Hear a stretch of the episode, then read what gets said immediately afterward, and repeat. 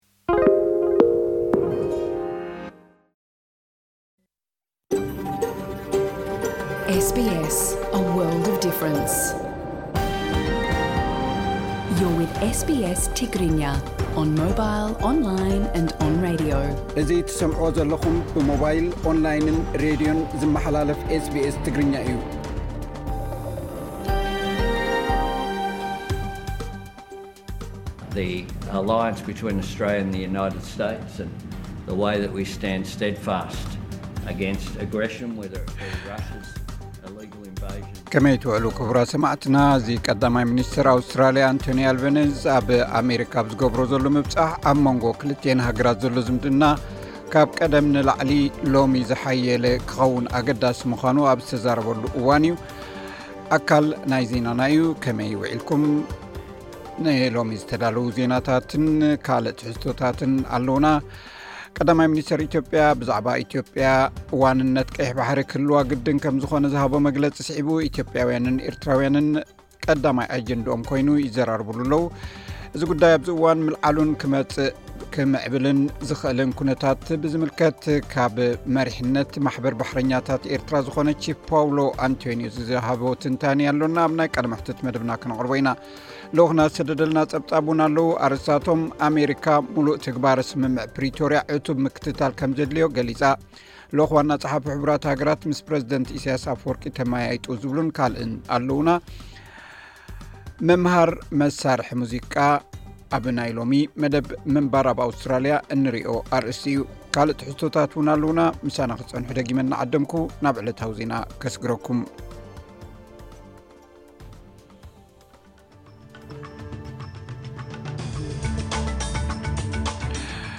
ዜና ንምጅማር ኣርስታቶም ኣምባሳደር እስራኤል ኣብ ኣውስትራልያ እቲ ኣብ እስራኤል ኣብ ልዕሊ ጋዛ እተፈጸመ ደብዳብ ንኣህጉራዊ ሰብኣዊ ሕጊ ዝጥሒስ ኢሉ ናይ ሕቡራት መንግስታት ኣሜሪካ ሰልፊ ሪፐብሊካውያን ንማይክ ጆንሰን ንቤት ምኽሪ ወከልቲ ህዝቢ ንክምርርሕ ሓፂብዎ ኣብ ግብፂ ካይሮ ካብ ክሳብ ሶኒ ጀሚሩ ንክልተ መዓልትታት ዝተካየደ ድርድር ብዛዕባ ግድብ ህዳሴ ገለ ምዕባለን ምርዳእን ከም ዘይርኣየ ተገሊፁ እዚ ሬድዮ ስቤስ ብቋንቋ ትግርኛ ዝፍኖ መደብ እዩ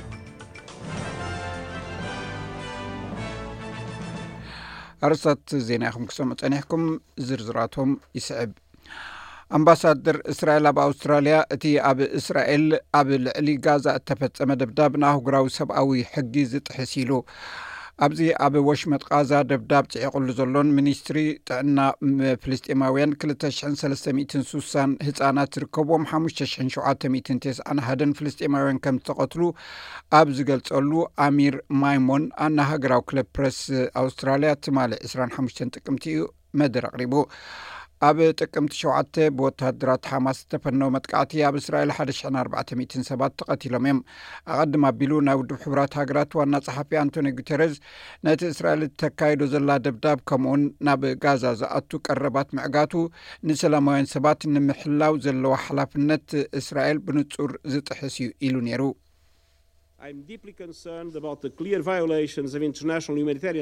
ብዛዕባ እቲ ኣብ ጋዛ እንሪኦ ዘለና ንጹር ጥሕሰት ዓለማዊ ሰብኣዊ ሕጊ ኣዝዩ እዩ ዘተሓሳስበኒ። ንጹር ንምግባር ንዕጥቃዊ ቃልሲ ዝምልከት ዝኾነ ይኹን ወገን ልዕሊ ኣህጉራዊ ሰብኣዊ ሕጊ ክኸውን ኣይክእልን እዩ። ይኹን እምበር ናይ እስራኤል ኣምባሳደር ኣብ ኣውስትራልያ ነዚ ክሲ እዚ ኣብ ብምንጻግ ምክልኻል እስራኤል ምስ ኣህጉራዊ ሕጊ ምሉእ ብምሉእ ዝሰማማዕ ዝገብር ዘሎ እዩ ኢሉ።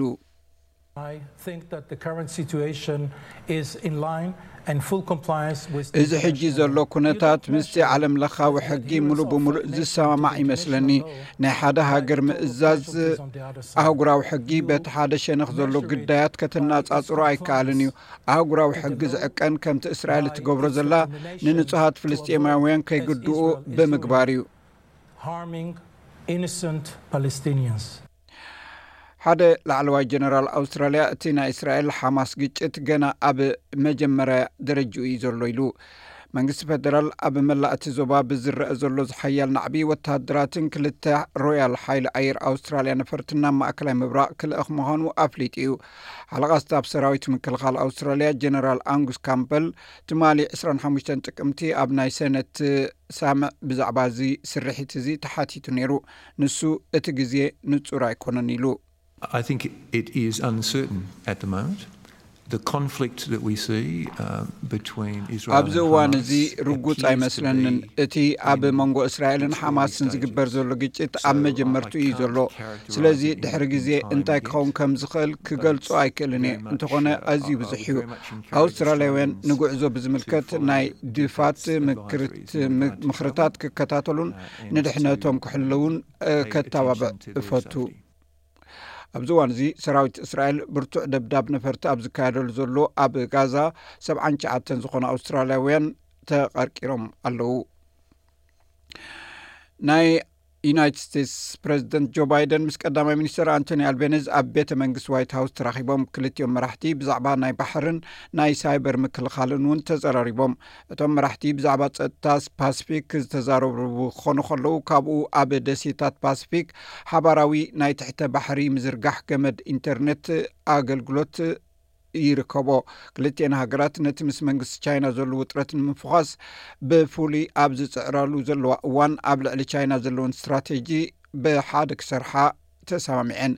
ሚስተር ኣልቤኒዝ ኣብ መንጎ ክልቲኡ ህዝብታት ዘሎ ርክብ ካብ ዝሓለፈ ብዝበለጸ ድልዱል ክኸውን ኣገዳስነቱ ዕዙዝ እዩ ክብል ገሊጹ። The alliance between Australia and the United States and the way that we stand steadfast ኣብዚ ናይ ሎሚ ዘይርጉጽ ዓለም እቲ ኣብ መንጎ ኣውስትራልያን ሕቡራት መንግስታት ኣሜሪካን ዘሎ ኪዳን ከምኡ ድማ ኣንጻር መጥቃዕቲ ብጽንዓት ደው እንብለሉ መገዲ ማለት እቲ ሩስያ ኣብ ልዕሊ ዩክሬን እተካይዱ ዘላ ዘይሕጋዊ ወራር ይኹን እቲ ሓማስ ኣብ ልዕሊ እስራኤል ዝፈጸሞ ግብረ ሽበራ መጥቃዕቲ ብንናይ ሓባር ስርዓታትና ኣኽቢርና ክንሪኦን ኣብኡ ክንውከልን ንኽእል ኢና በዚ ምኽንያት እዚየ ድማ ነዚ ምብጻሕ ዘኽብሮን ነቲ ምትሕብባር ዝቕበሎን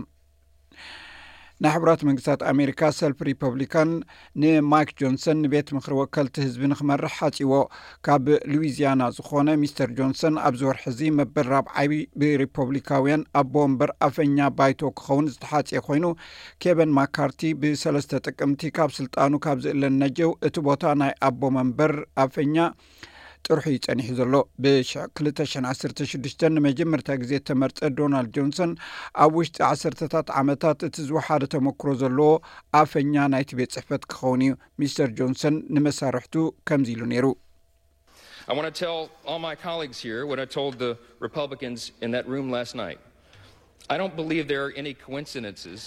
ትማል ምሸት ንሪፖብሊካውያን ዝነገርክዎም ኩሉ ንኩሎም መሳርሕተይ ክነግር ደሊ ኣብ ከምዚ ዝኣመሰለ ጉዳይ ኣብ ዝኾነ ይኹን ኣጋጣሚታት ኣብ ፅሑፋት እየ ዝኣምን እዚ መፅሓፍ መፅሓፍ ቅዱስ ምዃኑ ኣዝዩ ንፅር እዩ ነቶም ኣብ ስልጣን ዘለና ዘተንስኣና ኣምላኽ ንሱ እዩ ንኩላትና ንነብሲ ወከፍና ዘዕብየና እውን ንሱ እዩ ኣብ ግብፂ ካይሮ ብሶኒ ጀሚሩ ንክልተ መዓልትታት ዝተካየደ ድርድር ብዛዕባ ግድብ ህዳሴ ገለ ምዕባልን ምርዳእን ከም ዘይረኣየ ተገሊፁ ነዚ ምልከት ፀብፀብ ኣለና ኣብ ግብፂ ካይሮ ካብ ሶኒ ጀሚሩ ንክልተ መዓልትታት ዝተካየደ ድርድር ብዛዕባ ግድብ ህዳሴ ኢትዮጵያ ገለ ምዕባልን ምርዳእን ከም ዘይረኣየ ተገሊፁ ዋና ተደራዳሪ ኢትዮጵያ ዶክተር ኢንጂነር ሽለሺ በቀለ ኣብ ማሕበራዊ መራኸብታቶም ኣብ ዘርግሕዎ መልእኽቲ ሳልሳይ ዙርያ ድርድር ግድብ ህዳሴ ኢትዮጵያ ከም ዝተዛዘመ ብምምልካት ኢትዮጵያ ንኸሎቭ ዘተዓርቕ ስምምዕ ንምብፃሕ ድሌት ከም ዘለዋ ሓቢሮም። ብተወሳኺ እቲ ዘተ ኣብ ዝመፅእ ወርሒ ታሕሳስ ኣብ ኢትዮጵያ ኣዲስ ኣበባ ኣካየድ ኣብ ስምምዕ ከም ዝተበፅሐ እውን ኣመልኪቶም። ኣምባሳደር ስለሺ ወሲኾም ኢትዮጵያ እቲ ስምምዕ ኣብ መትከል ሉኣላውነት ዝተመሰረተ ክኸውን ከምትደሊ ብምግላፅ ማዕረን ሚዛናውን ኣጠቓቕማ ማይ ኣባይ ዘረጋግፅ ክኸውን ከምዝደለየትን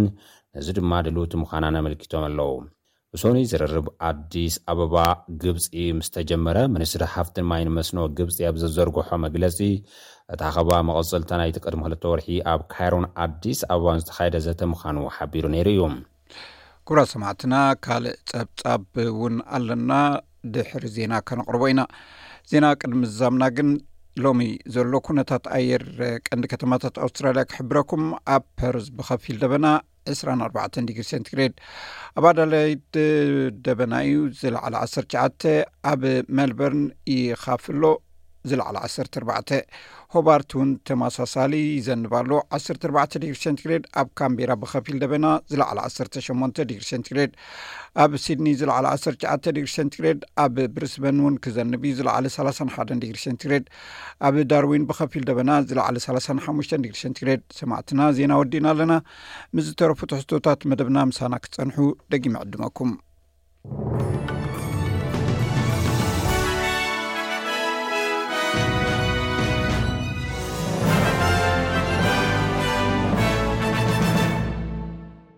ኩብራት ሰማዕትና ካብዚ ብተኸታታሊ ዝቐርብ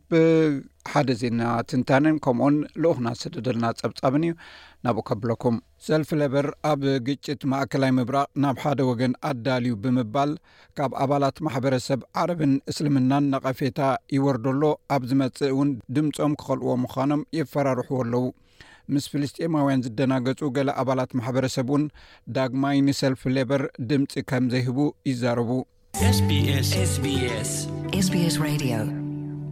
ካብቲ ብሸውዓተ ጥቅምቲ ዘጋጠመ መጥቃዕቲ ናይ ሓማስ ኣትሒዙ ካብ ኩሉ ወገን ፖለቲካ ኣውስትራልያ ንእስራኤል ከም ዝድግፉ ገሊፆም እዮም ከም ናይ ኒው ሳውት ዌልስ ፕሪምየር ክሪስ ሚንስ ነቲ ኣብታ ግዝኣት ዝርከብ ፍሉጥ ናይ ሲድኒ ኦፕራ ሃውስ ብሰማያውን ፃዕዳን ሕብሪ መብራህቲ ከም ዝበርህ ብምግባር ንእስራኤል ከም ዝውግን ብወግዒ ኣርእዩ እዩ እቲ ናይ ኒው ሳውዝ ወልስ መንግስቲ መትከል ንፁር እዩ ነይሩ ምስቶም ኣብ ኒው ሳውዝ ወልስ ዝርከቡ ማሕበረሰብ ኣይሁድ እዩ ደገፍና ነዚ ድማ ኣነፂርና ኢና እንተኾነ ግን ከም ሓደ ላዕለዋይ ኣባል ሰልፊ ለበር ዝኣመሰሉ ሒደት ፖለቲካውያን ንፍልስጤማውያን ብኸመይ ከም ዝድግፉ ተመሳሳሊ ኣኽብሮት ንክረኽቡን የተሓሳስቦም እዩ ቁጽሪ'ቶም ክሳዕ ሕጂ እተቐትሉ ፍልስጤማውያን ምስ ቁጽሪ'ቶም ብ ናይን ኢለቨን ህይወቶም ዝሰኣኑ ሰባት ክመሳሰል ዝኽእል እዩ። ኣብ ኣውስትራልያ ቀይሕ፣ ጸሊም፣ ጻዕዳን ቀጠልያን ሕብሪ ዘለዎ ብርሃን ክበርህ ኣይረኣናን ዘለና። እዚ ሕቶ እዚ ኣብ መላእ ማሕበረሰብ ዝሕተት ዘሎ ሕቶ እዩ። ካብ ካውንስል ዓረብ ኣውስትራልያ ራንዳ ካታን ብዙሓት ሰባት በቲ ኣብ ማእከላይ ምብራቕ ዝረኣ ዘሎ ፍጻሜታት ኣፍልጦ ኣይተዋህቦን፣ ወይ ኣይተሰምዐን ዝብል ስምዒት እዩ ዘለዎም።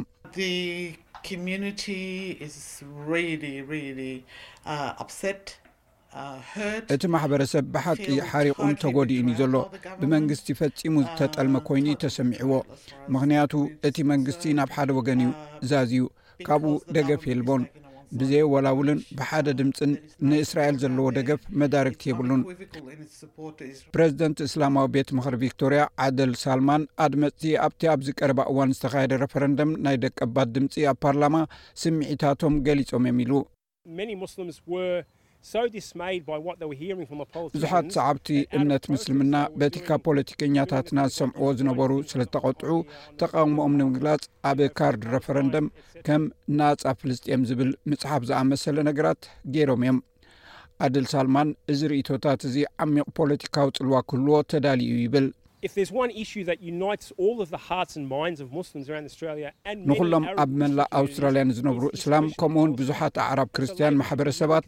ልቦምን ኣእምሮኦምን ሓድነት ዝፈጥር ሓደ ጉዳይ እንተልዩ እዚ ሕቶ ናይ ፍልስጥኤም እዩ ስለዚ ኣብ መንጎ ሕብረተሰባት ዝኾነ ዓይነት እምነት ይሕድር ስለ ዘሎ ናይ ብሓቂ ሰልፊ ሌበር ክሻቐል እዩ ዝግብኦ ምንጭታት ንኤስቢኤስ ኒውስ ከም ዝገለጽዎ ሰልፊ ለበር ኣብ ምምሕዳር ግዝኣትን ፈደራልን ደገፍ ናይ ህዝቢ ይስእን ኣሎ እዞም ኣድመፅቲ እዚኦም ካብቶም ድምፆም ክቕይሩ ዝሕልኑ እዮም ኣይፋልን ድሕሪ ሕጂ ንማንም ሰብ ድምፀይ ክህብ ኣይደልን እየ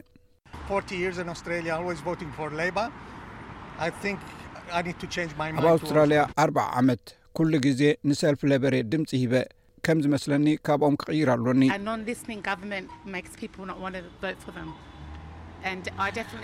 ንዘይሰምዕ መንግስቲ ሰባት ድምፆም ክህቡ ኣይደልዩን እዮም። ብርግፅ ንዘይሰምዓኒ መንግስቲ ኣይመርፅን እየ። ራንዳ ካታን ካብዚ ለውጥታት እዚ ሰልፊ ለበርን ናሽናልስን ዝጥቀሙ ኣይኮኑን ትብል። ኣብቲ ማሕበረሰብ ኣዝዩ ብዙሕ ጉድኣትን ዓሚቕ ሕርቃንን እዩ ዘሎ እዚ ድማ ሙሉእ ብምሉእ ንሰልፍ ለበርን ጥምረትን ዝነፅግ እዩ እቲ ሓደጋ ነቶም ዓበይቲ ሰልፍታት ፖለቲካ ካብቲ ኣብ ከባቢኡ ዝርከብ ህቡባት ሰባት ዝወፁ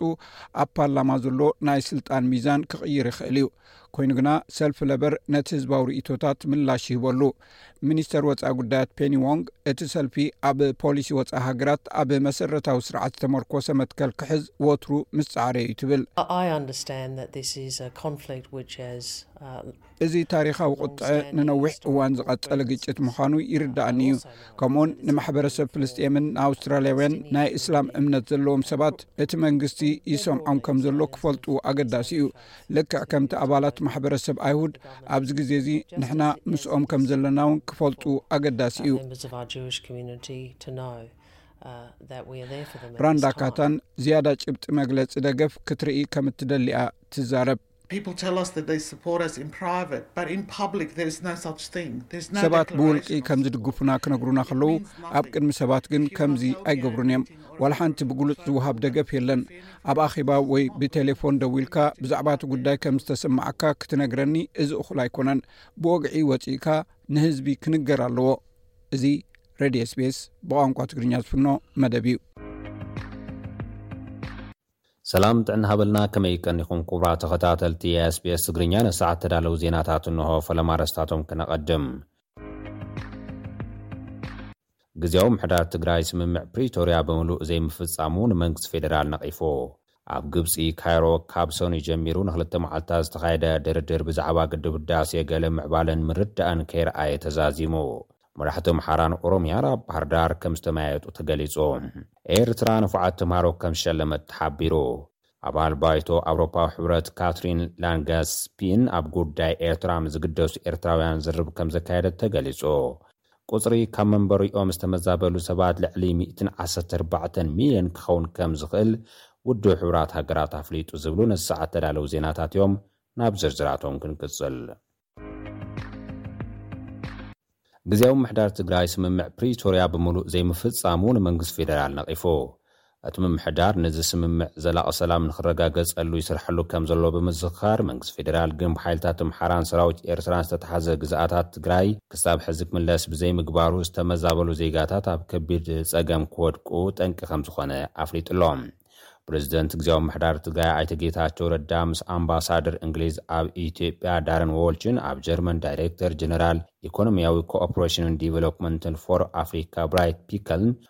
ዝመርሕዎ ጉጅለ ኣብ ዘሳለጥዎ ምይይጥ ግዝያዊ ምምሕዳር ትግራይ ዘላቒ ሰላም ንምርግጋፅ ይሰርሕ እኳ እንተሃለወ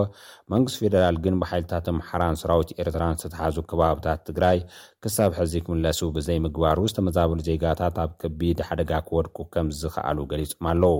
ነቲ ጉጅለ ልኡኽ ኣብ ቤት ፅሕፈቶም ተቐቢሎም ኣብ እዋናዊ ኩነታት ትግራይ ዘዘተዩ ፕረዚደንት ጌታቸው ረዳ ተመዛበልቲ ንኣስታት ዓሰርተ ኣዋርሕ ሰብኣዊ ሓገዝ ከምዘይረኸቡን ኣብ ፀገም ከም ዘለዉን ናብ መረበቶም ንክምለሱ ድማ ኣብ ዝግበር ፃዕሪ እቲ ልኡኽ እጃም ክዋፃእን ፀዊዖም ኣለዉ። ፕረዚደንት ጌታቸው ረዳ ኣዛሚዶም ብሓይልታት ኣምሓራን ሰራዊት ኤርትራን ዝተትሓዙ ቦታታት ትግራይ ናይ ምውፃእ ሓላፍነት ናይ መንግስቲ ፌደራል እኳ እንተኾነ ዛጊድ ግን ተግባራዊ ስለ ዘይኮነ እቲ ፀገም ይጋደድ ከም ዘሎ ምግላፆም ቤት ፅሕፈት ርእሰ ምምሕዳር ትግራይ ዝዘርጎ ሓበሬታ ኣመልኪቱ'ሎ። መራሕቲ ኣምሓራን ኦሮምያን ኣብ ባህርዳር ከም ዝተመያየጡ ተገሊጹ። ኣብ ዝሓለፉ ኣርባዕተ ዓመታት ብሰንኪ ግጭት ኣብ ክልል ኦሮምያ ናብ ክልል ኣምሓራ ንዝተመዛበሉ ተመዛበልቲ ናብ ዝነብርሉ ከባቢ ንምምላስ ዘኽእል ኣኸባ ኣብ ባህርዳር ከም ዝተሳለጠ'ውን ተሓቢሩ'ሎ። ኣብቲ ኣኸባ ዝተሳተፉ ላዕለዎት ሰበስልጣን ተመዛበልቲ ናብ ሰላም ዘለዎ ከባብታት ክልል ኣምሓራ ንምምላስ ከም ዝስራሕ'ውን ገሊጾም'ዮም። ተፈናቐልቲ ናብ ሰላማዊ ከባብታት ክልል ኦሮምያ ናይ ምምላስ ፃዕሪ ካብ ረቡዕ ከምዝጅምር ገሊፆም እዮም።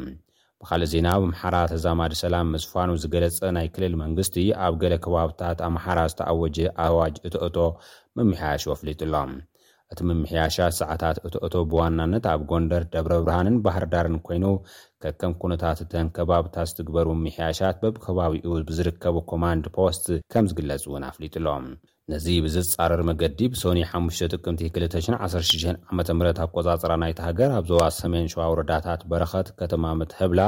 ብዘጋጠመ ምፍንጃር ነታጒ ህይወት ሰባት ከምዝጠፍአ ነበርቲ ከባቢ ገሊጾም ኣለዉ። እቲ መጥቃዕቲ ብድሮን ምፍጻሙ እቶም ነበርቲ ምዝራቦም ድምጺ ኣመሪካ ጸብጺቡ'ሎ። ብዛዕባ እዚ ካብ መንግስቲ መረጋገጺ ይኹን ናይ ኣሉታ መልሲ ከምዘይረኸበ'ውን እቲ ጸብጻብ ኣመልኪቱ'ሎ። ኣብታ ከተማ ኣብ ዝርከብ ማእኸል ጥዕና ዝሰርሕ ሓደ ስሙ ክግለፀሉ ዘይደለየ ዝተብሃለ በዓል ሞያ ሕክምና ግን ናብቲ ማእኸል ጥዕና ካብ ዝኸዱ ሓሙሽተ ሰባት ምሟቶም ዘረጋገፀ ክኸውን እንከሎ ነበርቲ ግን እቲ ዝወረደ ጉድኣት ካብኡ ዝለዓለ ክኸውን ከምዝኽእል እዩ ዝገልፁ። ኣብቲ ክልል ይቕፅል ብዘሎ ፀገም ፀጥታ ንዓፂድ ዝበፅሑ ኣእኻል እውን ይቃፀሉ ከምዘለዉ ተሰሚዑ ኣሎ። እዚ ከምዚ ኢሉ እናሃለወ ትካል ህጻናት ሕቡራት ሃገራት ኣብ ዝሓለፈ ዓርቢ ኣብ ዘውጽኦ መግለጺ ኣብ ክልላት ኣምሓራን ኦሮምያን ካልኦት ክልላት ኢትዮጵያን ብሰንኪ ዝቕጽል ዘሎ ግጭት ሸውዓተ ነጥቢ ሽዱሽተ ሚልዮን ቆልዑ ካብ መኣዲ ትምህርቲ ከም ዝበኸሩ ኣፍሊጡ ኣሎ። ኤርትራ ንፉዓት ተምሃሮ ከም ዝሸለመት ተገሊጹ። ኣብ ሃገራዊ ፈተና ክልተ ሽሕን ዕስራን ክልተን ክልተ ሽሕን ዕስራን ሰለስተን ዝለዓለ ውጽኢት ዘመዝገቡ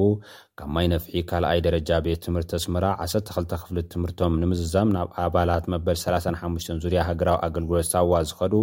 ዕስራን ሽዱሽተን ብሉጻት ተምሃሮ ፍሉይ ሽልማት ከምዝተውሃበ ተገሊጹ'ሎ። እቲ ብዕለት ዕስራን ሓደን ጥቅምቲ ክልተ ሽሕን ዕስራን ሰለስተን ዝተዳለወ ስነ-ስርዓት ዳይሬክተር እታ ቤት ትምህርቲ ኣይተ ኣማኑኤል ገብረሚካኤልን ንወለድን ተቐበልትን ብምንኣድ ዕላማ እቲ መደብ ተምሃሮ ኣብ መጻኢ ኣብ ዝገብርዎ ኣካዳምያዊ ጻዕርታት ኣበርቲዖም ክሰርሑ ንምትብባዕ ምዃኑ ኣመልኪቱ'ሎ። ኣብ ሚኒስትሪ ትምህርቲ ሓላፊ ካልኣይ ደረጃ ኣብያተ ትምህርቲ ኣቶ ዮሃንስ ሰሎሞን፣ ኣብ ንኡስ ዞባ ማይነፍሒ ሓላፊ ጨንፈር ሚኒስትሪ ትምህርቲ ዳኒኤል ሰሎሞን ነቶም ተሸለምቲ ኣብ ናይ ኮሌጅ ትምህርቶም ተወዳደርቲ ምእንታ ንክኾኑ ጸዊዑ ናይ እንቋዕ ሓጎሰኩም መልእኽቲ ኣሕሊፉሎም። ኣባል ባይቶ ኣውሮፓዊ ሕብረት ካትሪን ላን ገስፒ ናብ ጉዳይ ኤርትራ ምስ ዝግደሱ ኤርትራውያን ዝርርብ ከምዘካየደ ተገሊጹ። ኣባል ባይቶ ኤውሮፓዊ ሕብረት ካትሪን ላን ገስፒ ኣብ ጉዳይ ኤርትራ ንምዝራብ ምስ ኤርትራውያን ብዛዕባ ኤርትራ ዝግደሱ ወጻእተኛታትን ናይ መዛተዪ መድረኽ ብ ዕስራን ሓሙሽተን ጥቅምቲ ክልተ ሽሕን ዓሰርተ ሰለስተን ኣዳልያ እቲ መድረኽ ከምዝተሳለጠት ሓቢሩ'ሎ። ኣብዚ ናይ ዘተ መድረኽ ዝተፈላለዩ ኤርትራውያን ከምዝተረኸቡ'ውን ዝተገልጸ ኮይኑ፣ ካብቶም ዝተረኸቡ ተሳተፍቲ መምህር በየነ ገብረእግዚኣብሄር፣ ቫናሳ ጸሃየ፣ ዶክተር ሰላም ኪዳነ፣ ታደሰ ተክለብርሃን ኣቦ ወንበር ኤርትራውያን ተጣበቕቲ ሰብኣዊ መሰላት ከምዝኾኑ ተገሊጹ እዩ። ዝርዝር ናይቲ ዛዕባ ዝምልከት ግን ዛጊድ ዝተነጸረ ኣይኮነን። እዚ እትሰምዕዎ ዘለኹም መደብ ብቋንቋ ትግርኛ ዝፍኖ ሬድዮ ኤስቤስ እዩ። ሰላም ዝኸበርኩም ሰማዕትና ሰማዕቲ ሬድዮ ኤስቤስ ሎሚ ዕዱም ኣለኒ ቺፍ ፓውሎ ኣንቶንዮ ይበሃል እሱ ኣባል ወይ ካብቶም መሪሕነት ናይ ማሕበር ባሕረኛታት ኤርትራ እዩ ዝተፈላለዩ ንጥፈታት ከም ዝገብሩ ሰሚዐ ኣለኹ ብማሕበር ተጠርኒፎም ኤርትራውያን ኣብ ባሕረኛታት ማለት እዩ ኣብዚ ሎሚ ቐናየ ክንሰምዖ ከም ዝቐናና ድማ ብፍላይ ወገን ቀዳማይ ሚኒስትር ናይ ኢትዮጵያ ኣብይ ኣሕመድ ሓድሽ ኣጀንዳ ከፊቱ ንሱ ድማ ቀይሕ ባሕሪ ናይ ኢትዮጵያ ዋንነት እዩ ዋንነት ኣለዋ ናይ ቀይሕ ባሕሪ ዝብል ዘረባ ኣብ ዝተፈላለየ መገድታት እውን ይዝረብ ኣሎ ነዚ ኣመልኪትና ንሱ ይኹን ማሕበሩ ብኸመይ እዮም ዝጥምትዎ ነዚ ጉዳይ ከመይ ከ ይከታተልዎ ኣለው ንዝብል ሕቶታት ክምልሰልና እዩ ተቐሪቡ ዘሎ ቅድሚኡ ግን የቐንየለይ ቀዳምነት ቁሩብ ኣሕጽር ኣቢልካ ብዛዕባ እቲ ማሕበርኩምን ንጥፈታቱን ኣሕጽር ኣቢልካ ምስ ገዛእ ርእስኻ ውን ከተላልየና? የቐንየለይ ኣቶ በየነ ነቲ ዝሃብካና ዕድል ብጣዕሚ እንዳመስገንኩ እዚ ማሕበር ባሕረኛታት ኤርትራ ኣብ ውሽጢ ኤርትራን ካብ ውሽጢ ኤርትራ ወጻእን ንዘለዉ ኣባላት ባሕረኛታት ሓቀፍ ኮይኑ፣ ብቐንዱ ከኣ ድሕሪ ስደት ምምስራቱ ከኣ ፍሉይ ይገብሮ። መብዛሕትኦም እዞም ባሕረኛታት ኤርትራ ኣብ ምሉእ ዓለም ተዘርጊሖም'ኳ እንተለዉ፣ ብዝሒ ዘለዎም ባሕረኛታት ኣብ ጋልፍ ዓረብ ወይ ድማ ኣብዚ ወሽመጥ ዓረብ ዝበሃል ከባቢ ሃገራት ኣዕራብ ዝያዳ ይነጥፍ። ሓደ ኔትዎርክ ፈጢሩ ነቲ ባህርያውን ሰብ ዝሰርሖን ጸገማት ከጋጥሞም ዝጸንሐ ብድሆታት ባሕረኛታት ኤርትራ ኣኪቡ ኣብ ምቅላል ሽግራት ይኹን ብኡብ በቲ ተፈጢሩ ዘሎ ማሕበር ከኣ እቲ ጉዳያቶም ኢሂን ምሂን እንዳበሉ መፍትሕታት ኣብ ምርካብ ዘናድይሉ ሓደ ሞያዊ ማሕበር ባሕረኛታት ኤርትራ እዩ። ናብዚ ኣራኺብና ዘሎ ጉዳይ ከም ማሕበር ብፍላይ ድማ ኣብ ቀይሕ ባሕርን ምስ ባሕርን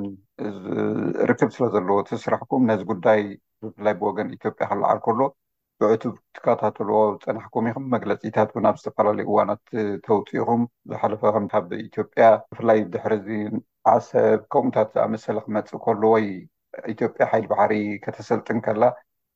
ገለ ናይ ኢትዮጵያ ሚድያታት እውን ንዓኻትኩም ሓበሬታ ምልዋጥ እውን ኣብኡ ሰሪሕኩም ከም ዝኾንኩም ፈልጥ እየ እሞ ሕጂ ብፍላይ ኣብዚ እዋን እዚ ብግልፂ ዓው ኢልካ ዝዝረብ ዘሎ ዋንነት ቀይሕ ባሕሪ ይግባኣይ ንኢትዮጵያ ዝብል ብዶክተር ኣብዪ ኣሕመድ ክመፅእ ከሎ ዝተፈላለዩ ማዕከናት ዜና ድማ ከም ዓብዪ ውዕይን ዜና ገይረን ክዛረባሉ ከለዋ ክሰምዑ ከለኹም እንታይ እዩ ከም ውልቂ እስኻ እቲ ማሕበርከ እንታይ እዩ ምላሹ ከመይ ትሪእዎ ኣለኹም ከመይ ትከታተልዎ ኣለኹም እዚ ጉዳይ? እቲ ዝገለፅካዮ ቅድም ኣቢልካ እቲ ማሕበር እንዳተኸታተለ ምስቲ ዝኸይድ ዝነበረ ዝምድናታት ናይ ኢሳያስን ናይ ኣብን ብዝተፈላለየ ግዜ መግለፂታት ነውፅእ ነይርና ኢና። ሓደ ካብቲ ፍሉይ ዝገብሮ ነዚ ማሕበር ድሕሪ ሰላም ናይ ኤርትራን ኢትዮጵያን ብፍላይ ናይ ኣብይን ኢሳያስን እቲ ናይ መጀመርያ እንኮ ናይ ጋዜጣ ትካል ናይ ኢትዮጵያ ንመጀመርያ ግዜ ነቲ ማሕበር ኣተኩሮ ሂብሉ ጽባሕቲ ናይቲ ሰላም ናይ ኤርትራን ኢትዮጵያን ሄራልድ ዝበሃል ናይ ኢትዮጵያ ጋዜጣ ኣፕሮች ገይሩ እቲ ኩነታት ከመይ ከም ንሪኦ ዝብል ቀዳምነት ኣተኩሮ ሂቡ ኢንተርቪው ዝገበረና ሓደ ካብቲ ናይ መንግስቲ ኢትዮጵያ እዩ። ካልኣይ እንታይ እዩ እቲ ዝምድና ኤርትራን ኢትዮጵያን ኣመልኪቱ ባዕሉ እቲ ኢሳያስ እውን ይኹን ዋላ ኣብይ ዓሰብ ተደሊኻ ባጽዕ ተደሊኻ ንስኻ ኢኻ ትመርሐና ዝብል ናይ ኢሳያስ ዓው ኢልካ ዝሃቦ መብጽዓታት ከምኡውን ብተደጋጋሚ ግዜ ናይ ኢትዮጵያ ሰብ መዚ ነቲ ናጽነት ናይ ኤርትራ ኤርትራውያን ኣይኣምንሉን እዮም ዝብል ኣብይ እውን ምስ ኢሳያስ ዓሰብ ኢና ንማቐል ዝብል እዚ መግለጺታት ናይ ኢትዮጵያ ሕጂ ንሰምዖ ዘለና በይናኣዊ እዩ ወይ ድማ ሓደ ኣብይ ንበይኑ ዘመንጮ ሓሳብ እዩ ዝብል ግምት የብለይን ኣነ ከም ውልቂ ከም ማሕበር እውን እዚ ክንከታተሎ ዝጸናሕና ውን ብተደጋጋሚ ክንህበሉ ዝንፀናሕና መግለፂታት እዩ። ስለዚ እንታይ እየ ዝብል ሕጂ ብ ከመይ ኩነታት ኣለው እዚ ዝኸይ ዘሎ ኩነታት ንክትግምቶ ብጣዕሚ ኣሸጋሪ ብዝኾነ መንገዲ ናይ ብሓቂ ድዩ ኣብይ ንበይኑ ዝብሎ ዘሎ እዩ ወይ ድማ ተጠሊሙ ድዩ ነቲ ኢሳያስ ኣቐዲሙ ዝኣተወሉ መብጽዓ ሕጂ ዓው ኢሉ ዝዛረበሉ ዘሎ ኣብ መንጎኦም ሓደ ምስጢራዊ ስምምዕ ዝነበረ እዩ ዝመስል። ዝብል ግምት እዩ ዘለና። ኣራይ ፅቡቅ እዚ እንድዩ እቲ ግምታት ብዙሓት እውን ዝዛረብሉ ዘለዉ ዘረባታት እዩ ብፍላይ ድማ ክገብርዎ ዝፀነሑ ምስጢራዊ ርክባትን ነዚ ዝኣመተ እዩ ዝብሉ ነገራት ኣለዉ ንምንታይ ኣብዚ እዋን እዚ ግን ማለት ቁሩብ ከም ዝበልካዮ ኣብ ክልቲኦም ምናልባት እቲ ዝተባህለ መብፅዓ ስለ ዘይተፈፀመ ክኸውን ይኽእል እዩ ብኸምዚ ዝመፅእ ዘሎ ዝብል ዘረባ ኢኻ ተዛሪብካ። ሕጂ ከም ንፈልጦ ኢትዮጵያ ብከቢድ ኩናት እያ ጸኒሓ ኣብ ዝሓለፈ ክልተ ሰለስተ ዓመታት፣ ሕጂ እውን ኣብ ኩናት እያ ዘላ። ከምዚ ኩነታት እናሃለወ ኣብ ገለ ገለ ማዕከናት ዜና እውን ትማሊ ዝሰማዕክዎ ኤርትራ ማለት ምድላዋት ትገብር ኣላ ነዚ በዚ ወገን ቡሬ ገለ ገለ ናብ ኩናት ምኻድ ንኹሎም ከየዋጽኦም ይኽእል እዩ፣ ግን ነዚ ዝጸውር ቁጠባ ይኹን ሓይሊ ሰብ ንኩናት ማለተየ ኣሎ ድዩ ብክልቲኡ ወገን ምናልባት ከም ኣማራፂ ተወሲዶሞ ከምዚ ክንሪኦ ክንከታተሎ ዝፀናሕና እውን ኩናት ከም ቀሊል ተወሲዱ ህዝቢ ክሃልቕ ርኢና ኢና ብክልቲኡ ወገን ማለት እዩ ናብዚ ከምርሑ የዋፅኦም ድዩ ዝፀውር ዓቕምን ቁጠባን ሓይሊ ሰብን ከ ኣሎ ድዩ ኣብኡ እንተተመሪሑኸ እንታይ ሳዕቤን እዩ ክመጽእ ኣብቲ ዞባ ብሓፈሻ? እወ፣ ሕጂ ከም ብውልቂ ክግምቶ ወይ ክትንትን ክፍትን እንድሕር ኮይነ፣ ኣብ ኤርትራ ዘሎ ስርዓት እቲ እንኮን ሓደን ጸላኢ እየ ኢሉ ዝፈርሖን እንተልዩ ህዝቢ ኤርትራ እዩ። ነቲ ኣቐዲምና ክንገልጾ ዝጸናሕና እንድሕር ደኣ ምልስ ኢልና ክንሪኦ እንድሕር ፈቲንና፣ ኩሉ ትካላት ብፍላይ እቲ ኣሎ ዝበሃል ናይ መንግስቲ ትካል ክሰርሕ እንዳኸኣለ ኣዳኺምዎ ዘሎ ኮነ ኢልካ ዝተዳኸመ ትካላት እዚ ክልተ ወደብ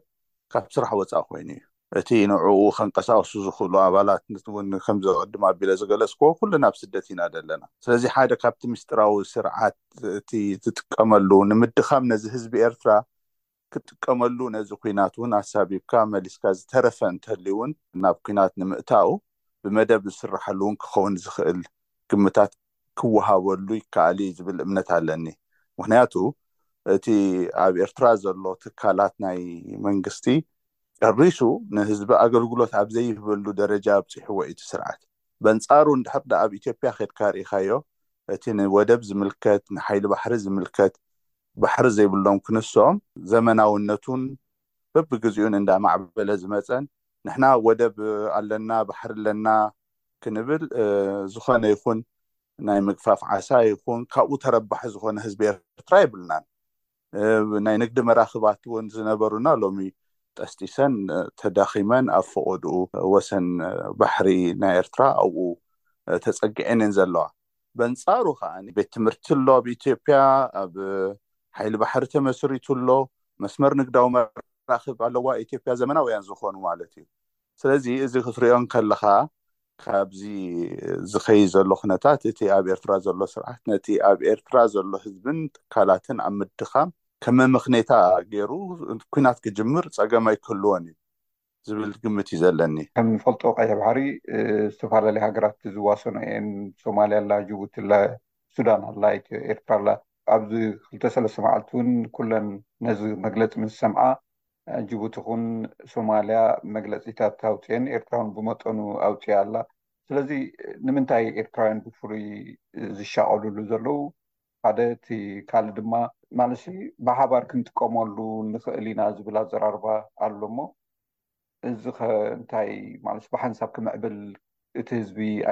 ኣይከኣልን ድዩ? ከም ንፈልጦ ናይ ኤርትራ ወደባት ንዕስራ ዓመታት ዝኸውን ደስኪል እዩ፣ ዋላ ሓንቲ ኣብ ረብሓ ኣይወዓለን ማለት እየ። ስለዚ እታ ዝዓበየ ክትጥቀመሉ ትኽእል ድማ ኢትዮጵያ እያ። ስለዝስ ተጠቒማትሉ ብሓባር ማለት ከምኡታት ዘረባ እውን ስለ ዘሎ ንኽልቲኡ ወገን ርኢኻ ማለት እዩ። ሓደ ብፍሉይ ንኤርትራ ዝብል ዘረባ ኣየለን ኩለን እውን ይምልከተና ኢለን ዝሓሰባ ሃገራት እውን መግለፂታት የውፅእ ኣለዋ ብሓባር ናይ ምስራሕ ክስታይ እውን እንተሎ እንታይ ፀገም ዝብል ንክልቲኡ ክትሪኤለ ዶ ሓደ ነገር እንታይ እቲ ናይ ብሓባር ናይ ምስራሕ ድሌት ናይ ብሓቂ እንድሕር ደኣ ብፅቡቅ ተበግሶ ክስርሓሉ እንድሕር ተደልዩ ሓደ ነገር እንታይ እዩ ንክልቲኡ ሃገር ካብቲ ዝጸንሖ ናይ ኲናት ደበና ኣውጺኡ ናብ ሰላም ከምጽእ ዝኽእል ሃዋሁን ነቲ ዝነበረ ብኲናት ዝዓነወ ቁጠበኣን ኣብ ምህናጽ እውን ዝለዓለ ግደ ክህልዎ እዩ ዝብል እምነት እዩ ዘለኒ ኣነ። ንሕና ወደብ ብዘይ ኣገልግሎት ወደብ ኣለና ጥራሕ ብምባል ቁጠባ ናይ ኤርትራ ናብ ንቡር ክትመልሶ ኣይከኣልን እዩ። ከምኡውን እቲ ኣፍደገ ወደብ እንድሕር ደኣ ንኻልኦት ክፉት እንተዘይኮይኑ ከም ዝዓበየ ጸጋ ብፍላይ ክረኣ ዝከኣለሉ ኩነታት እቲ ናይ ኢትዮጵያ ዓቕሚ እዩ። ንሓደ ሚእትን ዕስራን ሚልዮን ህዝቢ ዝሓዘ ሃገር እሞ ብዘይ ወደብ ዘሎ ከም ሓደ ኣገልግሎት ክትህበሉ እንድሕር ክኢልካ ብዙሕ ነገር ኢና ክንከስብ ካብኡ። ስለዚ ናብ ተዛማዲ ሰላም ከምጻና ዝኽለሉ ናይ ዕዳጋ ምልውዋጥ እውን ክእትወና ይኽእል እዩ። ስለዚ ብኡ ክትሪኦ እንድሕር ተፈቲኑ ማለት እዩ። ግን እቲ ዘሎ ጸገም እንታይ እዩ? ኣብ ኤርትራ ዘሎ ስርዓት ዋላ ኣብ ኩናት ሃዋሁ እንከለና ብብዙሕ ነገር ዓሳ ገፊፍካ ካልኦት ፍሪ ፖርት ጌርካ ብኡ ንዝሓልፋ መራኽብ እቲ ኮሪደር እቲ ናይ ቀይሕ ባሕሪ ንኢትዮጵያ ጥራሕ ዘይኮነ ንካልኦት ሃገራት እውን ከም ፍሪዞን ጌርካ ኣገልግሎት ኣብ ምሃብ ክርከብ ዝኽእል ዕድላት ብሰንኪ ኲናት ኣሳቢቡ ከም ተቐዲመ ዝገለጽክዎ እቲ ወደብ ሕጂ ንክትጽግኖ ኣብ ኣሸጋሪ ብዝኾነ ኩነታት እዩ ናይ ዓሰብ ወደብ ብፍላይ ንዕስራ ዓመት ባዲሙ እዩ ስለዚ ሰናይ ድሌት ሰላም ዝብል ብሸነኽ ኤርትራ ሰለዘየለ ሕጂ ንከምኡ ዓይነት ዕድል ክህሉ እዩ ዝብል እምነት የብለይን። እንተታት ግን ብሓንሳእ ናይ ምጥቃም ንክልቲኡ ሃገራት ረብሓታት ክረኣየሉ ዝኽእል እንድሕሪ ደኣ ተሓሲቡ ኮይኑ፣ ንሕና ኣገልግሎት ክንህቦም ወደብ ከፊትና ከነካርዮም ዲና ብኡ ንክጥቀሙ ሰርቪስ ክንህብ እንድሕር ኮይኑ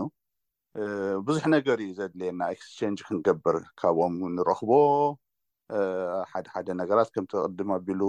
ንሱ እቲ ቃለ መጠየኡ ኣብቲ መግለፂታቱ ኣብ ዝብሎ ዝነበረ ናይ ኣገልግሎት ናይ ኤሌክትሪክ ድዩ ካልእን ካልእን ካብኦም ክንወስድ እሶም ከዓ በቲ ወደብና ክጥቀሙ ንዝብል ኣገልግሎታት ኣብ ምፍጣር መፃኢ ሰላም ናይ ክልትኡ ሃገራት እውን ኣብዚ ተመርኮሰ ንክኸውን ብዙሕ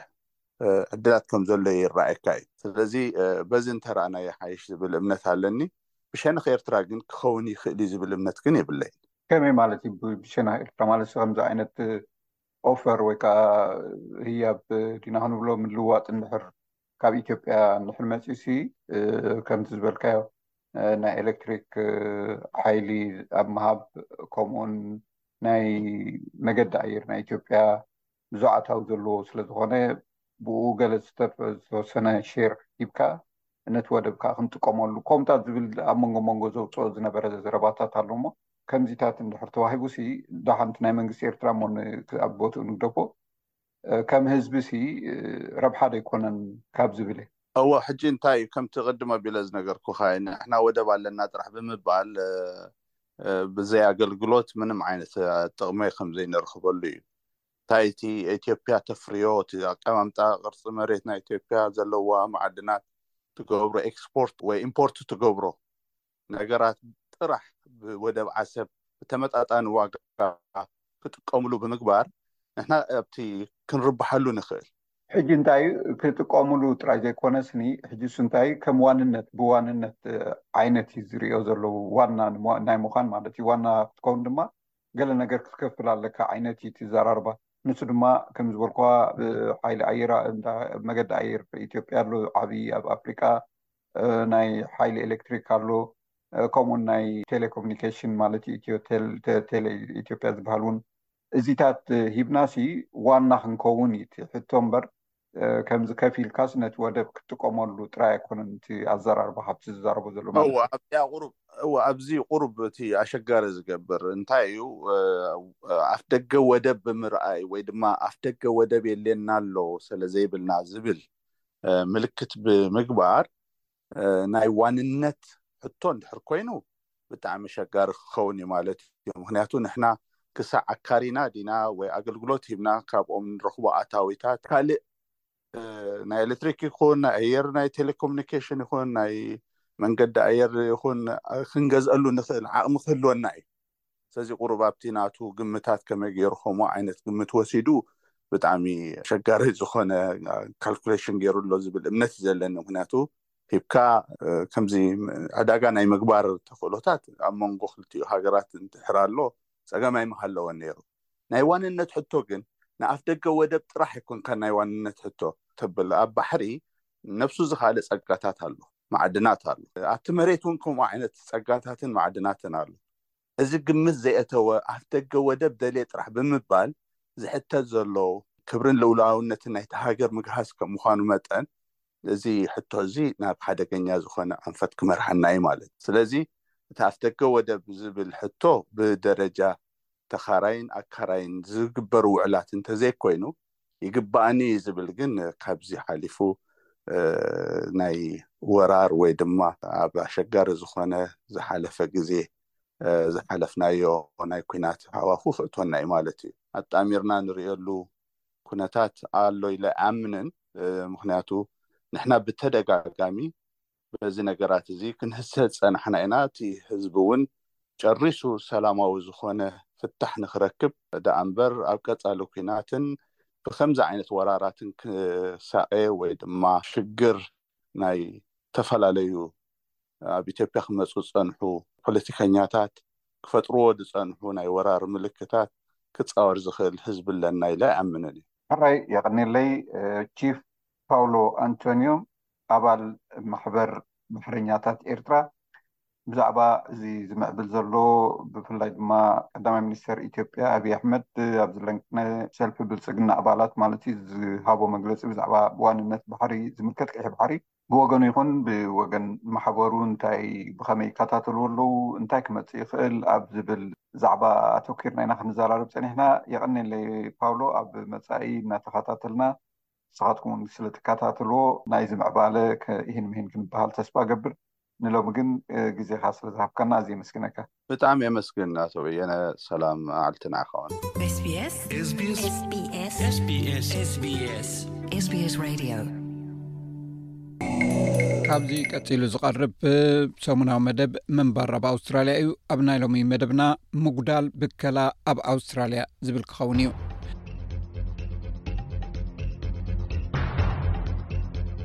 ዓለምና ብሰንኪ ክሊማ ለውጢ ዝመፅእ ዘሎ ሳዕቤን ኣብ ኣዝዩ ሻቅሎት ትርከብ ምልዋጥ ክሊማ ኣብ መላእ ዓለም ብዘሎ መቐትን ኩነታት ኣየርን እናገደደ ይኸይዳ ኣሎ ንምዕባለ ዘመናዊ ዓለምና ክበሃል ምንዳድ ከም ከሰል ነዳድን ጋዝን ዝኣመሰሉ ዝግበር ዝነበረ ንጥፈታት ደቂ ሰብ ቀንዲ መሪሕ ለውጢ ክሊማ እዩ ነቲ ምንዳድን ንዑ ስዒቡ ዝትፋእ ትኪ ካርቦንን ንምንካይ ንሳዕቤን ለውጢ ክሊማ ንምጉዳል ከምኡውን ነቲ ዝያዳ ተሓዳሲ ፀዓት ንምጥቃም ኣገዳሲ ስጉምቲ እዩ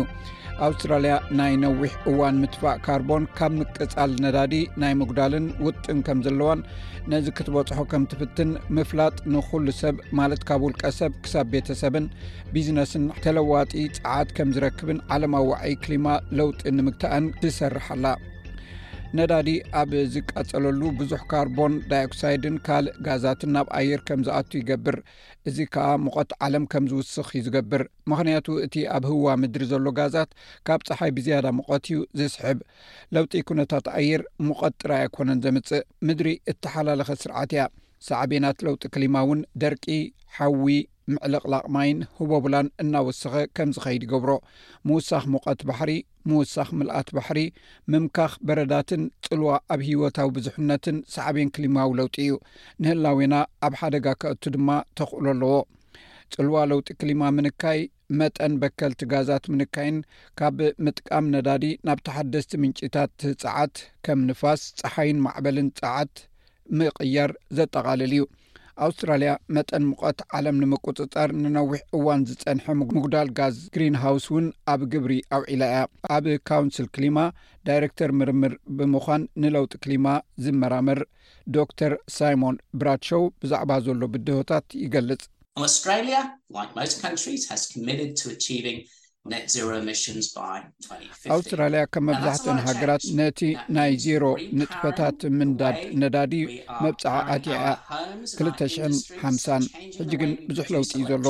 እዚ ከዓ ነቲ ንኣባይትናን ንኢንዳስትሪታትናን እንደልዮ ፀዓት ምልዋጥ ማለት እዩ ስለዚ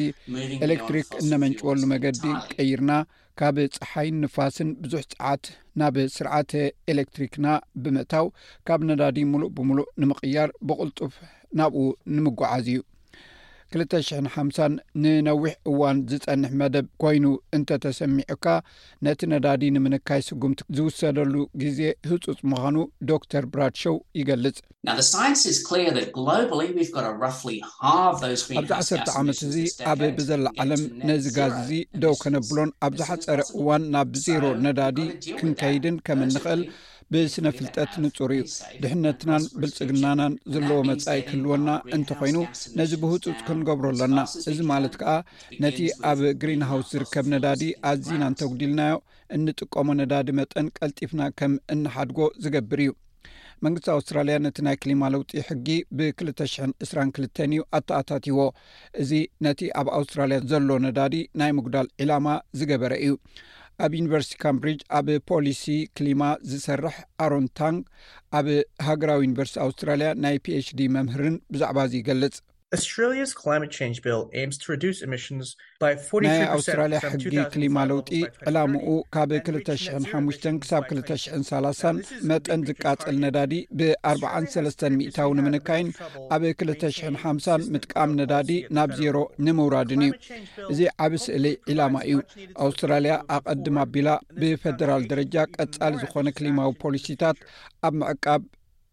ሽግር ነይርዋ እዩ። እቲ ለውጢ ክሊማዊ ለውጢ ንቕድሚት ንምስጓም ዘድሊ ርግኣት ከም ዝህሉ፣ ኣብ መጻኢ ድማ ዝያዳ መደብ ንኸሉ መሰረት ከም ዝኸውን ተስፋ ይገብር። ዝቃጸል ነዳዲ ናብ ዜሮ ምብጻሕ ማለት ኣብ መንጎቲ ካብ ግሪንሃውስ ዝወጽእ ጋዝ ሓፈሻዊ ሚዛን ከም ዝህሉ ምግባር ማለት እዩ። ዜሮ ነዳዲ ንምብጻሕ ወፍሪ ተሓደስቲ ጸዓት ከም ዘድሊ ዶክተር ታንግ ይገልጽ።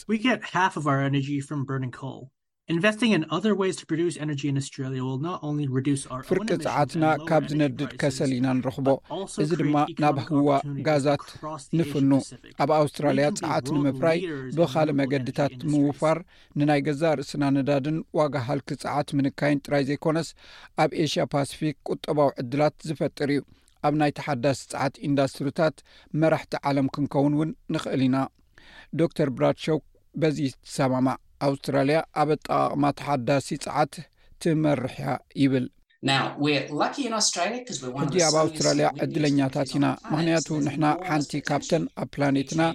ጸሓይን ንፋስን ዝበዝሐን ሃገራት ኢና። ስለዚ ነቲ እነፍርየሉ መገዲ ኤሌክትሪክ ክንልውጦ ዓቢ ተኽእሎ ኣሎ። ከምኡ ክንገብር ከለና ዝያዳ ዓቕምን ዘተኣማምን ጸዓት ከም ዘሎና ርግጸኛታት ክንከውን ንኽእል ኢና። ኩላት ናይዚ ለውጢ እዚ ኣባላት ክንከውን ግዴታ ኣሎና። ሕጂ መብዛሕትኡ እንገብሮ ጉዕዞታት ብናይ በንዚንን ናፍታን ዝሰርሓ መካይንን ምጥቃም ኣብ ምብካል ኢና ዘለና። ናብ መጻኢ ካብ መካይን እንወጸሉ ኩነታት ክንግዕዝ ኣሎና።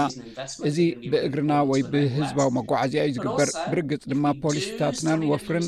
መንግስቲ ነዚ ንምግባር ኣዝዩ ኣገዳሲ ክኸውን ኣለዎ። ኣብ ርእሲ እዚ እውን ገና መኻይን ክንጥቀም እንተ ደኣ ኮይንና ኣብተን ብኤሌክትሪክ ዝስርሓ መኻይን ክንጓዓዝ ኣሎና ኣብ ርእሲ እቲ ገዛእ ርእስና እንጓዓዓዘሉ መገዲ ኩላትና ኣብ ቤትና ክንዓዮ እንኽእል ካልእ ተግባራት እውን ኣሎ ሓደ ካብቲ ክንገብሮ እንኽእል ብሉጻት ነገራት ኣብዚ እዋን እዚ ንመብሰሊናን ንመውዓይናን ዝኸውን ካብ ጋዝ ናብ ኤሌክትሪክ መሳርሒታትና ምልዋጥ እዩ ልክዑ ኣብ ነዳዲ እንገብሮ ኣበርክቶ ክንክ ኢና ንደሊ ብዘይካዚ ንኣባይትና ብዝያዳ ጥዕና ክንህቦ ንኽእል ከመይሲ ኣብ ኣባይትና ዘሎ ምንዳድ ጋዝ ንጥዕናና ኣዝዩ ሓደገኛ እዩ ብዘይካዚ ብበብውልቂ ዝግበር ምርጫታት ኣብ ምጉዳል ነዳዲ ኣወንታዊ ለውጢ ከምፅእ ከም ዝኽእል ሚስተር ታንግ ይገልፅ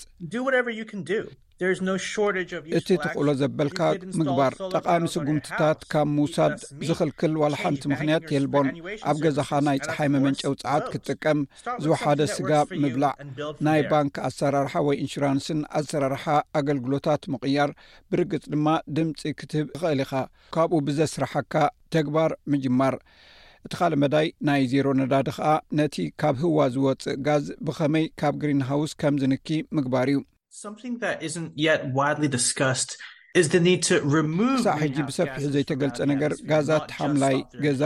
ወይ ግሪን ሃውስ ካብ ህዋ ምውፃእ ጥራይ ዘይኮነስ ነፍቲ ዝትፋእ ጋዝ እውን ደው ምባል እውን ዘጠቓልል እዩ ኣብ ህዋ ካብ መጠን ንላዕሊ ስለ ዘሎና ነዚ ንምውጋድ እኹል ዓቕሚ እንተዘይረኺብካ ናብ ዜሮ ነዳዲ ንምብፃሕ ዝያዳ ኣፀጋሚ እዩ ዶክተር ብራድሸው ኣካል እቲ ኣብ ዓለምና ዘሎ ህይወታዊ ብዙሕነት ምዕቃብ እውን ኣገዳሲ እዩ ይብል ምክንያቱ ኣካል ናይቲ ኣብዛ ፕላኔት ዘሎ ስርዓት ደገፍ ስለ ዝኾነ። ኢኮሲስተም ክቡራት ጫካታትን ካልኦት ኣብ ከባቢ ኣውስትራልያ ዝርከቡ ኣደነቕቲ ኣከባቢታትን ንኹላትና ውሑስን ነባርን ክሊማ ኣብ ምዕቃብ ከምኡውን ንዝተፈላለዩ እንስሳታትን ንኹሉ ዘገድስ ነገራትን ኣብ ምዕቃብ ዝሰርሕ እዩ። እቲ ናይ ኣውስትራልያ ንምንክ ብከላ ጋዝ ዝግበር ጉዕዞ በዳሂ ክኸውን ከም ዝኽእል ሚስተር ታንግ ይገልጽ እንተኾነ ግን ዘይከኣል ኣይኮነን ይብል እቲ ኣብ ቅድሜና ዘሎ መገዲ ኣጸጋሚ እኳ እንተኾነ ንኣጸጋሚ ግድላት ንምስጋር ግና ፍሉይ ጻዕሪ ኢና እንገብር ኮቪድ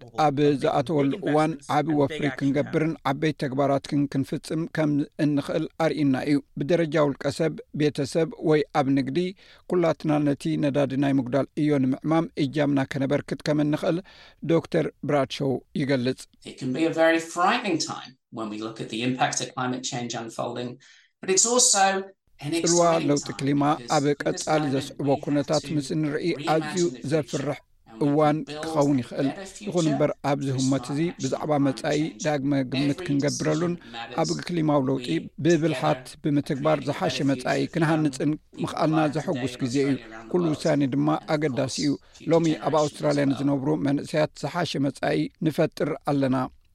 እዚ ምንባር ኣብ ኣውስትራልያ እዩ። ኩብራት ሰማዕትና ካብዚ ቀፂሉ ዝቐርብ ትማሊ ዝወዓሉ ሓፀርቲ ዜናታት እዮም ናብኡ ከብለኩም ኣብ እስራኤልን ቃዛን ዘሎ ቅልውላው እናገደደ ኣብ ዝኸደሉ ዘሎ እዋን ኣባላት ምክልኻል ሰራዊት ኣውስትራልያን ክልተ ተወሰኽቲ ናይ ሮያል ሓይሊ ኣየር ኣውስትራልያ raf ነፈርቲ ናብ ማእከላይ ምብራቅ ክዋፈሩ ምዃኖም ተፈሊጡ ሚኒስተር ምክልኻል ሪቻርድ ማለስ ንፕሮግራም ቻነል ናይን ኣብ ዝሃቦ ሓበሬታ፣ እቲ ኩነታት ጸጥታ እናኸፍኣ ኣብ ዝመጸሉ ዘሎ እዋን፣ ኣብቲ ዞባ ንዝነብሩ ኣውስትራልያውያን ንምድጋፍ ጥንቃቐ ዘድልዮ ስጉምቲ ምዃኑ ገሊጹ።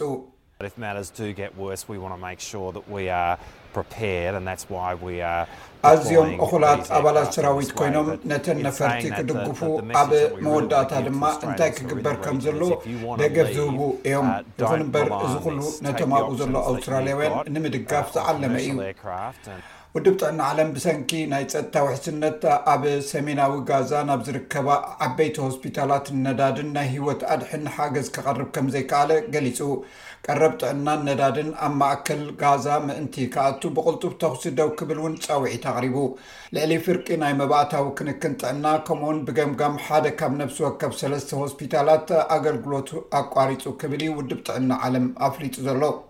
እዚ ከምዚ እንከሎ ኣምባሳደር እስራኤል ኣብ ሕቡራት ሃገራት ዋና ጸሓፊ ናይቲ ውድብ ኣንቶንዮ ጉተረዝ ካብ ስልጣኑ ክወርድ ጠሊቡ ኣሎ። ጉተረዝ ንኣኼባ ባይቶ ጸጥታ ኣብ ዝሃቦ መግለጺ፣ እቲ ኣብ ሸውዓተ ጥቅምቲ ዝተኻየደ መጥቃዕቲ ሓማስ ካብ ባዶ ዝተበገሰ ኣይኮነን ክብል ምዝራቡ ንእስራኤል ኣቖጢዕዋ እዩ። እቲ ዋና ጸሓፊ ብተወሳኺ ህዝቢ ፍልስጤም ዘለዎ መረረ ግን ነቲ ሓማስ ዝፈጸሞ ዘስካሕክሕ መጥቃዕቲ ቅቡል ክገብሮ ኣይክእልን ኢሉ። ንሱ ወሲኹ እቲ ዘስካሕክሕ መጥቃዕቲ ሓማስ ንኣልማማ መቕጻዕቲ ህዝቢ ፍልስጤም ቅቡል ክገብሮ'ውን ኣይክእልን እዩ ክብል እዩ ተዛሪቡ። በቲ መግለፂ ዝተቖጠዐ ኣምባሳደር እስራኤል ኣብ ሕቡራት ሃገራት ጊላድ ኤርዳን ነቲ ኣብ ልዕሊ ህዝቢ እስራኤል ዝተፈፀመ ክፉእ ተግባራት ኣሸባሪ ውድብ ከማኻን እዩ ዝደልዩ ምምኽናይ ወይ ምዝራብ ትርጉም ዘለዎ ኣይኮነን ብምባል ተቃውሞ ገሊፁ እቲ ዋና ፀሓፊ ብህፁፅ ክወርድ እፅውዕ ክብል እውን እቲ ኣምባሳደር ኣብ መርበብ ሓበሬታ ኤክስ ኣብ ዝሃቦ ግብረ መልሲ ፀዊዑ ኣሎ ክብሪ ዋጋታት ናይ ኣቕሑን ኣገልግሎታትን ከምቲ ዝጸንሐ ቅልጡፍ ዕቤት ኣይከርእን እዩ። እንተኾነ ትጽቢት ዘይተገብሮ ነገራት ምስ ዝኽሰት ኣብ ናይ ርብዒ ዓመት ጽቕባበ ዋጋ እንተስዒቡ ግን ካልእ ናይ ወለድ መጠን ክውስኽ ይኽእል እዩ ተባሂሉ። ዋጋታት ሸመታ ናይ ሰለስት ወርሒ ክሳብ መስከረም ናብ ሓደ ነጥቢ ክልተ ሚእታዊ ዝዓበየ ኮይኑ በዚ ድማ ኣብ ዝሓለፈ ዓሰርተ ክልተ ኣዋርሕ ሓሙሽተ ነጥቢ ኣርባዕተ ሚእታዊ ወሰኽ ገይሩ። መጠን ዝቕባበ ካብቲ ኣብ ወርሒ ሰነ ዝነበረ ዓመታዊ ዕብየት ሽዱሽተ ካብ ሚእቲ ንታሕቲ ክኸውን ከሎ ካብቲ ኣብ ታሕሳስ ዝነበረ ሸውዓተ ነጥቢ ሸሞንተ ሚእታዊ ኣዝዩ ወሪዱ ኣሎ። ቀዳማይ ሚኒስተር ሱዳን ነበር ዓብደላ ሓምዶክ ነቲ ኣብታ ሃገር ዝቕጽል ዘሎ ግጭት ዘላቒ ፍታሕ ክርከብ ኣብ መንጎ ሱዳናውያን ሓድነት ክህሉ ብሰኑይ ጸዊዑ። ሓምዶክ ኣብ ሱዳን ዘሎ ውግእ ደው ንምባል ሓድነት ዘለዎ ዲሞክራሲያዊ ግንባር ሓድነት ንምፍጣር ኣብ ኣዲስ ኣበባ ናይ ሰለስተ መዓልቲ ኣኼባ ኣብ ዝተኸፍተሉ እዋን እዩ ነዚ ፃውዒት ኣቕሪቡ ኣስታት ሚእቲ ዝኾኑ ልኡኻት ሲቪካዊ ማሕበራት ሱዳን ኮሚቴታት ተቃውሞ ህዝቢ ማሕበራት ደቂ ኣንስትዮ ማሕበራት ንግዲ ፖለቲካ ውድባት መራሕቲ ሃይማኖታውያንን ልምዳውያንን ኣብቲ ዲሞክራሲያዊ ሲቪላዊ ግንባር ንምቛም ዝተገብረ ኣኼባ ተሳቲፎም ኣብ ካርቱምን ዳርፉርን ዞባታት ኮርዶፋንን ብሰንኪ ዘጋጠመ ግጭት ልዕሊ ትሽዓተ ሽሕ ሱዳናውያን ተቐቲሎም ኣስታት ሽዱሽተ ሚልዮን ድማ ካብ መረበቶም ተማዛቢሎም ኣለው።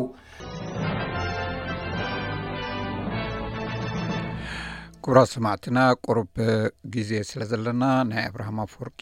ሽኮር ሽኮር ትብል ዜማ ክጋብዘኩም እየ ኣብ መወዳእታ ድማ መዕፀውን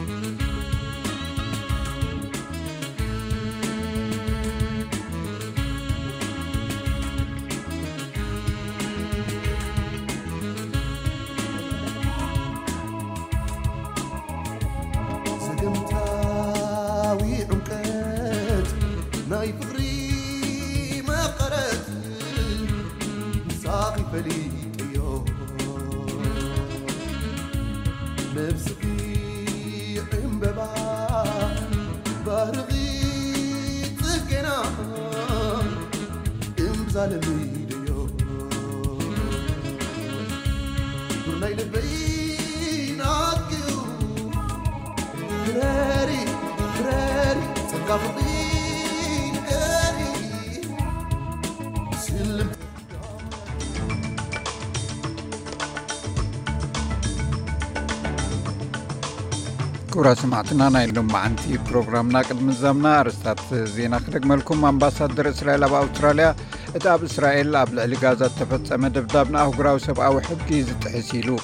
ናይ ሕቡራት መንግስታት ኣሜሪካ ሰልፊ ሊብ ሪፐብሊካን ንማይክ ጆንሰን ንቤት ምክሪ ወከልቲ ህዝቢ ንክመርሕ ሓፅዎ ኣብ ግብፂ ካይሮ ካብ ክሳብ ሶኒ ጀሚሩ ንክልተ መዓልታት ዝተካየደ ድርድር ብዛዕባ ግድብ ህዳሴ ገለ ምዕባለን ምርዳእን ከም ዘይረኣየ ተገሊፁ ማር ሰማዕትና ንሎሚ ዝበልናዮም ትሕዝቶታት ወዲና ኣለና ኣብ ናይ ሶኒ መደብና ብዝተፈላለዩ ትሕዝቶታት ክንምለስና ክሳብ ሽዑ ሰላም ክነዝምነየልኩም ንሳኹም ዘምፀኹ ኣዳላውዚ መደብ